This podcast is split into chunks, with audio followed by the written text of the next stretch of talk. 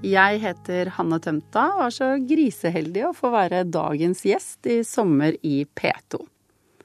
Jeg bruker vanligvis all min tid på å være teatersjef på Nationaltheatret, og på å fortelle alt og alle, sent og tidlig, om alt det fantastiske som skapes på landets viktigste teater. Men her i dag vil jeg snakke om noe helt annet. Jeg skal fortelle litt om hvordan i alle dager det endte opp med at vårt naboland Russland ble mitt desiderte favorittland. Og så skal jeg kanskje fortelle bitte litt om at folk fra Verdalen i Trøndelag kanskje har mer til felles med folk fra Russland enn man i utgangspunktet skulle tro. Men før vi setter tennene våre i den uh, russiske bjørnen, så må vi starte med en sving innom Sverige.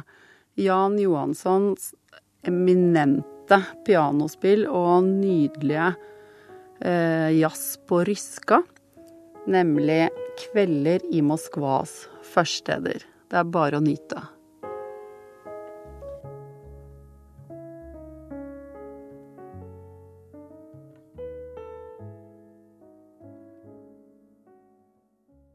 Jeg ble født 21.8.1968. Det var det året hvor Sovjet invaderte Tsjekkoslovakia. Moren min Guri hun har alltid fortalt ganske lange eh, historier om at denne fødselen var spesielt grusom. Og det som var litt eh, pussig eller tilfeldig, var jo at jeg ble faktisk født på Røde Kors-klinikken, som befant seg rett ved siden av den russiske ambassaden. Og på denne dagen så hadde jo de fleste som mente noe om politikk, samlet seg der for å demonstrere, og ropte 'Sovjet ut av Tsjekko', 'Sovjet ut av Tsjekko'. Så jeg hadde godt akkompagnement, kan man si, hele, under hele fødselen. Jeg ville jo ikke ut, rett og slett, så til slutt så ble jeg tatt ut eh, med en tang. Og det å bli tatt med tang, det gjør noe med hodeformen til eh, små eh, vesener. Så heldigvis for meg så så foreldrene mine forbi dette og elsket meg høyt og betingelsesløst fra første stund. Selv om det egentlig var sånn at uh, de var sikre på at jeg skulle bli en gutt. Uh, for de hadde bestemt at jeg skulle hete Hans, for jeg skulle kalles opp etter onkelen min. Ja ja. Uh, å ende opp som Hanne, og i stedet for å bli oppkalt etter mammas kusine, det har faktisk vært helt topp. Og oppveksten min, den har vært eh, sikkert irriterende harmonisk og fin. Eh, det eneste som har skurra litt, eller som skled inn som eh, en sky på himmelen, det var det at plutselig så skulle jeg av en eller annen grunn få en lillebror, og jeg hadde i hvert fall ikke bestilt det i det hele tatt. Og da måtte jeg dele den oppmerksomheten og kjærligheten som jeg var vant til å få helt selv, med et nytt lite vesen. Det jeg er glad for i dag, er at dette hylende rosa monsteret viste seg å bli min aller beste venn, nemlig Thomas. Jeg er altså født skikkelig lat. Genuint lat. Jeg er så lat at jeg ikke engang gadd å komme ved min egen fødsel. Så jeg måtte altså slepes ut med makt. Og nettopp derfor så syns jeg selv i hvert fall at det er både litt morsomt og, og paradoksalt at jeg endte opp med å studere i et land som i sin både autoritære og elitistiske undervisningsform da, jobber aktivt med å bekjempe makelighet som tilstand. Men før jeg begynner å fortelle om hvordan i alle dager jeg havnet i Russland, så tenker jeg at det er på tide å høre en nydelig sang som eh, Baris Grebentsjikov i Akvarium har skrevet og synger. Og Gorod Salatoy betyr gullbyen. Og for meg så er da St. Petersburg min gullby. Her kommer den.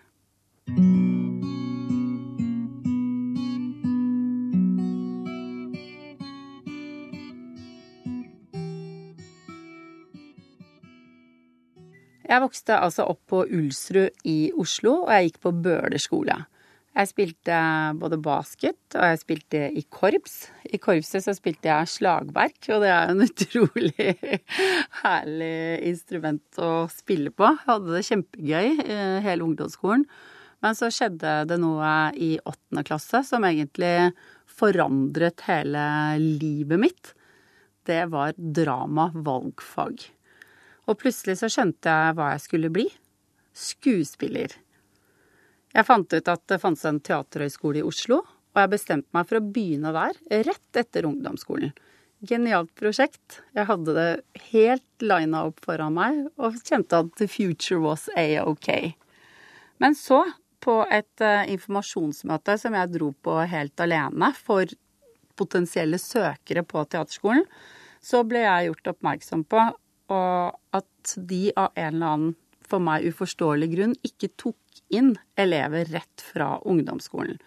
Så jeg måtte gå på videregående. I juleferien det året i 9. klasse så var hele familien vår på Femund, som ligger i Engerdal i Østerdalen, hvor vi har hytte, og mammaen min sin slekt er derfra, og feiret jul hele gjengen. Og jeg, som en sånn god, herlig niendeklassing, eh, gikk vel egentlig mest rundt og surva og sutra og klagde over det meningsløse i at jeg måtte gå på en allmennlinje på videregående når jeg allerede visste hva jeg skulle bli, og at jeg skulle jobbe med teater. Og så en kveld der i romjula, hvor jeg hadde sikkert eh, sutra lenger enn lengst, så ble den ene onkelen min lei. Så foreslo han at eh, jeg kunne jo begynne på en videregående som kanskje hadde fag som ikke var så allmenne, sånn at jeg kunne gjøre noe annerledes ut av tre år på videregående. Og da foreslo han at jeg kanskje skulle søke på en skole som hadde noen eh, språk, og mente at det, eh, det å lære seg et nytt språk, det er det helt umulig å angre på senere i livet. Så litt utpå våren i 9. klasse så dro to, eh, Line og Lena og jeg, fra Bøhler skole, forhåpningsfulle ned til en sånn åpen dag på Oslo katedralskole.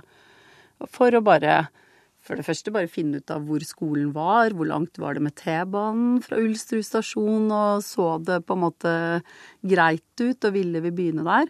Så møtte vi nesten med en gang vi kom inn i skolegården en uh, lærer uh, som i utgangspunktet snakket vennlig til oss og, og lurte på hvor vi var fra.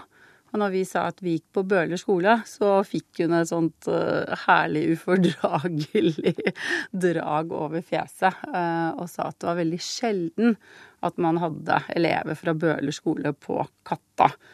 Og akkurat da så tente det litt i magen på meg. Og da bestemte jeg at uh, jeg skal begynne på Katta. Og jeg skal lære meg russisk, og jeg skal vise hun læreren at folk fra østkanten har akkurat like mye rett til anledning til å gå på en sentrumsskole som noen andre. Og på Katta den høsten så åpnet det en helt fantastisk verden seg for meg. Et eh, nydelig språk med de rareste lyder og et slags eventyr av et alfabet. Og på et eller annet pussig vis så var det litt som å komme hjem. Russisklæreren vår, Iva Magnus Ravnum, var som en ekspedisjonsfører i timene. Han var mer ivrig enn Nansen og Amundsen til sammen på å ta alle oss elevene med på tokt inn i russisk poesi, musikk og politikk. Uten å si noe om noen andre, så er det uten tvil den fineste læreren jeg noen gang har hatt, og som på sett og vis har satt meg på et spor jeg ikke selv visste konsekvensen av. Så hva passer vel bedre enn at vi alle hører på et nydelig stykke musikk som er skrevet av Eugen Doga. Han uh, har komponert for symfonier og, og, større ting, men veldig mye brukt som filmmusikkskaper, og denne heter Kjærlighetens vals.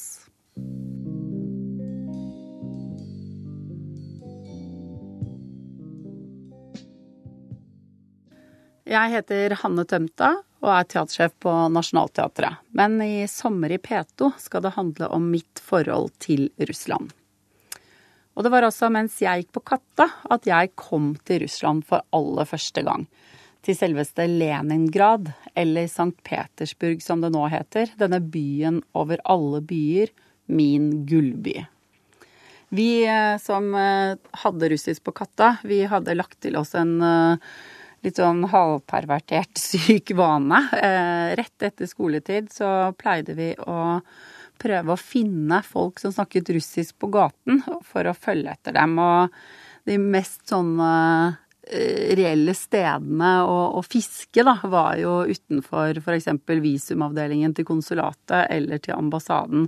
Og da sto vi utenfor og så om vi fant eh, noen som kom i følge, sånn at vi kunne bare henge på oss og skygge folk så lenge vi, vi turte. Det som var gleden i det, var vel egentlig først og fremst at uh, vi fikk høre språket av noen ekte russere. Og, og det som da ble den toppen av, uh, av lykke, var jo å komme til selve Russland. Fordi der snakket alle russisk, og vi møtte en masse herlige folk.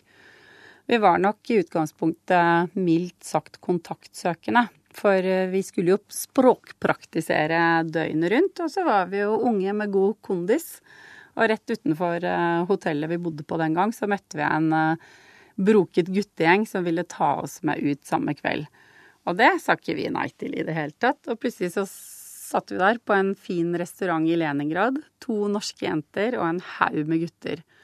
Og så var dette på 80-tallet, på en tid hvor det faktisk var ganske strengt i forhold til alkohol- og skjenkeregler. Men vi skulle jo prøve alt og ville drikke vodka.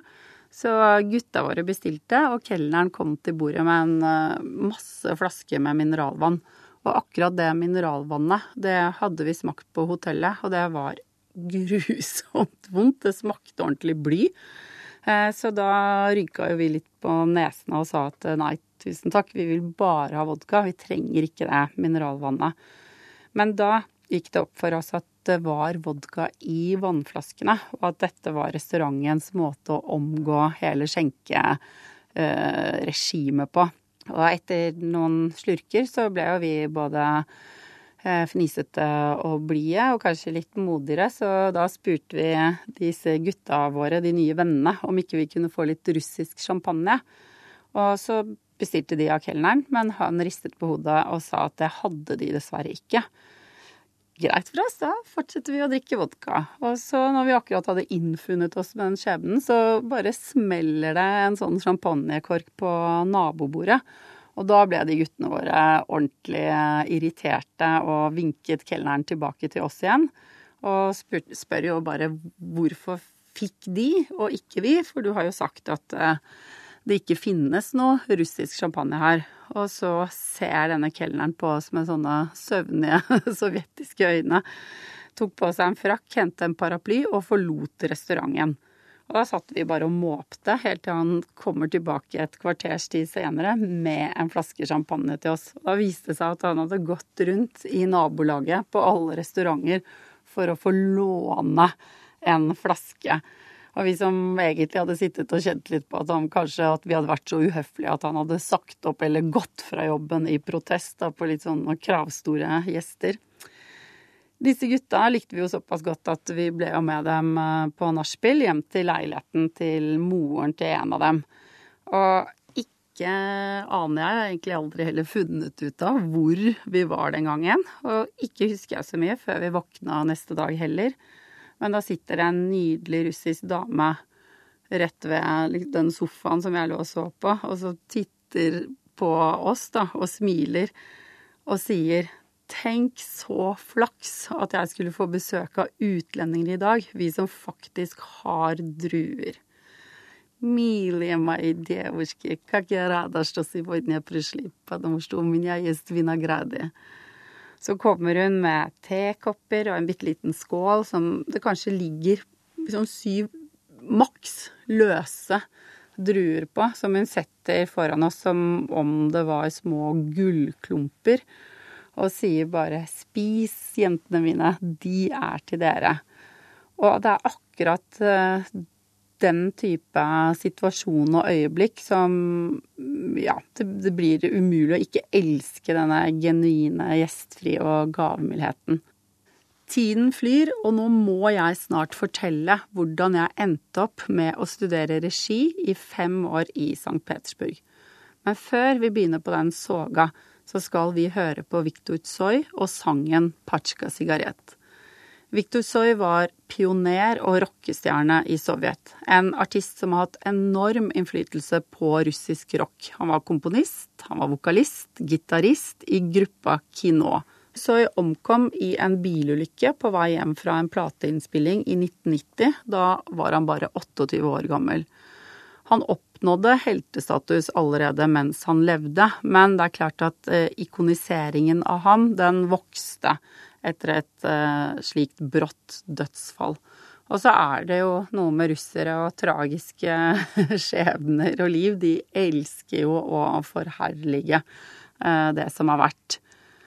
I avisen Komsomolskaja Pravda så skrev de annet dette om han kanskje bare to dager etter ulykken, at Soy betyr mer for de unge menneskene i vår nasjon enn noen politiker, berømthet eller forfatter. Det er slik fordi Tsoi aldri løy og aldri solgte seg. Han var og forblir seg selv. Det er umulig å ikke tro på ham. Tsoi er den eneste rocker som ikke har noen avstand mellom sitt image og sitt ekte liv. Han levde som han sang. Sangen heter Pachka sigarett, og det betyr en pakke med røyk. og det sangen handler om, er at hvis du har en pakke røyk i lomma, så er livet greit å leve.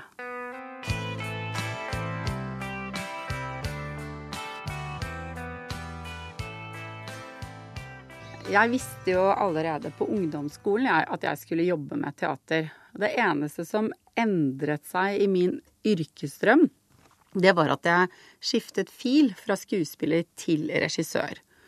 Og hovedgrunnen er nok ganske enkel, fordi et aldri så lite blaff av klarsynthet mens jeg gikk på Romerike folkehøgskole, så innså jeg min egen utilstrekkelighet i skuespillerfaget. Men null stress. Teaterhøgskolen hadde jo også regiutdannelse, og der var det jeg hadde lyst til å søke og gå. Etter at jeg var ferdig på Romerike folkehøgskole, så flyttet foreldrene mine til Svalbard. Og med den avstanden som det er mellom Oslo og Longyearbyen, så ble det ikke så lett for dem lenger å følge nøye med på hva jeg egentlig drev med. Så jeg fikk eh, jobb som bud på Oslo Nye Teater, og det var en heldagsjobb. Samtidig som jeg offisielt brukte mesteparten av tiden min på å studere på Blindern. Først forberedende, så russisk semesterevne, og til slutt russisk grunnfag. Men jeg var jo på Oslo Nye hele tiden. Jeg var litt påkleder og litt rekvisitør hvis noen var syke, og jeg søkte altså på regilinja. Og til min store overraskelse så kom jeg faktisk ikke inn. Og heldigvis så var det en eh, regissør, nemlig Kirsten Sørli, som satt i opptakskomiteen, som var sjenerøs nok og varm nok og klok nok til å ville snakke ordentlig med meg når eh, hele nederlaget svei som verst. Og en dag eh, som jeg husker veldig godt, så står vi sammen på Oslo Nye Teater. Vi er inne i salen oppe på publikumsbalkongen. Og så sier hun til meg at jeg ikke måtte gi opp. Og at jeg heller burde reise til utlandet og studere regi der, for det ble altfor lenge å vente tre år til neste gang det skulle være opptak på regi. Og mens vi står og prater, så kommer det inn på scenen en eh, teatergruppe fra St. Petersburg. Det teatret heter Mali Teater, og det er eh, regissøren Lev Dodins teater, som er på en befaring for å finne ut av om Oslo Nyes hovedscene egnet seg for et gjestespill de skulle komme til Oslo på en festival med. Og plutselig så datt den derre femmeren endelig ned i, i kronesautomaten. Og så fikk jeg jo den herlige eh, logiske tanken at eh, man kunne kombinere to goder.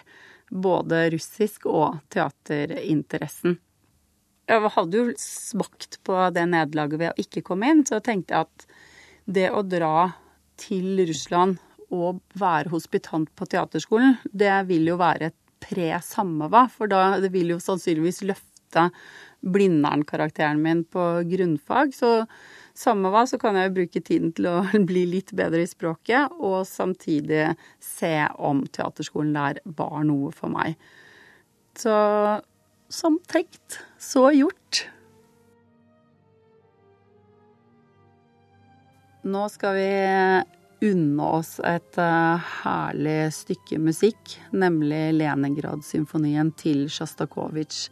Den ble skrevet som en hyllest til de som både overlevde og døde i blokaden av Leningrad under eh, andre verdenskrig og det er klart at når man går rundt i byen og ser skuddsårene på Isak-katedralen, som er en av de flotteste kirkebygningene i sentrum, og ser og forstår hvor nærme krigen var, og hvor hardt det var for de som befant seg der inne, så er det umulig å ikke tenke noen alvorlige tanker når man hører dette.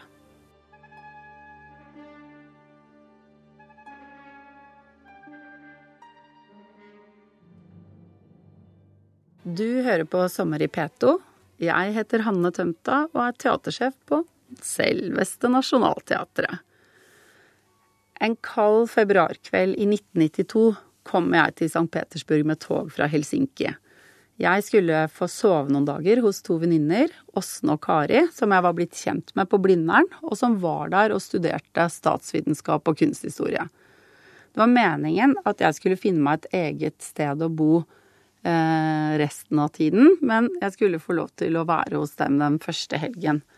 De skulle også komme og møte meg på togstasjonen, hvilket de ikke gjorde. For de hadde rett og slett blitt med noen nye venner på en helgeutflukt til Novgorod. Og sendt en venn av seg eh, for å møte meg. Og idet jeg går av stasjonen, så kommer det en fremmed ung mann bort til meg. Som har en tegning av meg i hånden med musefletter og blå øyne og et eh, greit smil. Eh, og nøklene til leiligheten. Så det hadde Åsne laget sånn at han skulle skjønne hvem, hvem jeg var når jeg gikk av toget. Så kjører man han meg til leiligheten og hjelper meg opp med bagasjen og alt sånt nå, og lar meg bli igjen alene. Og der var jeg i tre døgn. Jeg kom fredag kveld og satt inne i den leiligheten og tittet ut på livet utenfor. Jeg så på barn som akte på akebrett eller sklei på rumpa ned en bakke. Jeg så folk haste til og fra buss og trikk, og en helt ubeskrivelig mengde bitte små Ladaer som bare pøste ut kullos og eksos. Og da kjente jeg nok litt på følelsen om var dette så smart plan, da? Å bare reise over her og og, og melde meg liksom som litt frivillig hospitant på teaterskolen. Men uh, heldigvis så tok helgen slutt, og jentene kom tilbake. Og mandag morgen var jeg den første som møtte opp på teaterskolen. Det var et helt uh, utrolig sted. Det er en usedvanlig vakker bygning som ligger rett ved sirkuset i St. Petersburg, ikke langt fra Nevskij prospekt, som er den store hovedgaten og ved en veldig, veldig vakker kanal som heter Fontanka. Så egentlig så var det sånn at idet jeg gikk inn dørene til eh, teaterskolen i St. Petersburg, så var jeg frelst. Jeg visste med en gang at jeg ville søke på regilinja her, fordi hele huset og bygningen, altså skolen, myldret av lærere og elever. Jeg tror det var eh, nesten 3000 elever der per år som studerte dans, pantomime, dukketeater, teatervitenskap, teateradministrasjon, regi, skuespiller, kabaretskuespiller, fekting, bevegelse, stemmebruk og masse, masse avdelinger og linjer og fakulteter og fag som jeg aldri har fått helt oversikten over, men det var en ordentlig kreativ maurtue og jeg hadde fått beskjed før jeg dro over at jeg skulle møte opp da denne mandagen i sort treningstøy og komme til førsteklasse regi. Og jeg tuslet rundt der og prøvde å finne ut av hvor klasserommet eller studio deres var. Og endelig, når jeg fant den rette gjengen, så ble jeg møtt av Irina Malacheskaja, som er en myndig og fantastisk professor. Eh, hun ba meg bare sette meg helt stille i utkanten av elevene og følge med. Og sånn gikk nå dagene. Jeg satt der vel en uke. Jeg skjønte med en gang at det var viktig å komme tidsnok. Og jeg så at hun hele tiden så meg, men hun snakket ikke med meg før lørdag den første uken. Og da så hun strengt på meg, og så sa hun at uh, i morgen er det en forestilling på Mali-teatret. Uh, det er uh, De besatte av Dostojevskij. Og den må du gå og se i morgen, og så kan vi snakke om den på mandag. Og forestillingen begynte søndag klokken tolv på formiddagen og sluttet klokken tolv på natten. Det var Dostojevskijs De besatte, eller Biesi som den heter på russisk. Og mens jeg satt der og så forestillingen, så begynte det å gå opp for meg hva jeg egentlig var med på. Jeg var nok blitt sendt dit for uh, å teste om jeg kom til å holde ut en så lang forestilling, om jeg kom til å forstå noe. Uh, og akkurat den derre når du skjønner hva eksperimentet er, og at du får den kamplysten til å, til å klare det, er jo en, en eh, veldig herlig energi. Så jeg ble hele kvelden satt der sammen med en full sal som var både trøtte og slitne og sultne, mens skuespillerne spiste en masse varm mat, husker jeg, på scenen, som var veldig, veldig fristende. Eh, og når jeg kom tilbake på skolen igjen dagen etter, og Malacheskaja spurte meg sånne kontrollspørsmål da, om eh, hva som hadde skjedd da og da, og hvordan jeg oppfattet det og det, så forsto jeg at eh, nå var jeg akseptert som en ordentlig hospitant i klassen hennes. Det var en seier for meg. Så jeg var der på skolen resten av februar og hele mars. Jeg ble bedre og bedre kjent med gullbyen min. Og jeg ble faktisk kjæreste med han som kom på togstasjonen med tegning og nøkler den første kvelden. Jeg gledet meg skikkelig til å ta grunnfagseksamen, og så komme tilbake igjen for å ta opptaksprøver i juni. Jeg lærte noe hele tiden. Jeg hoppet over broer når de åpnet seg om natten, vi balanserte på tak, og ikke minst en haug av sanger og dikt. Og her kommer en av mine absolutte favorittlåter. Det er den kvinnelige artisten Semfira som synger Ja iskala tibie, og det betyr Jeg lette etter deg. Og så synger hun videre gjennom mange lange år, i mørke bakgater, i aviser og i filmer, og i vennene mine. Og når jeg fant deg, ble jeg gal.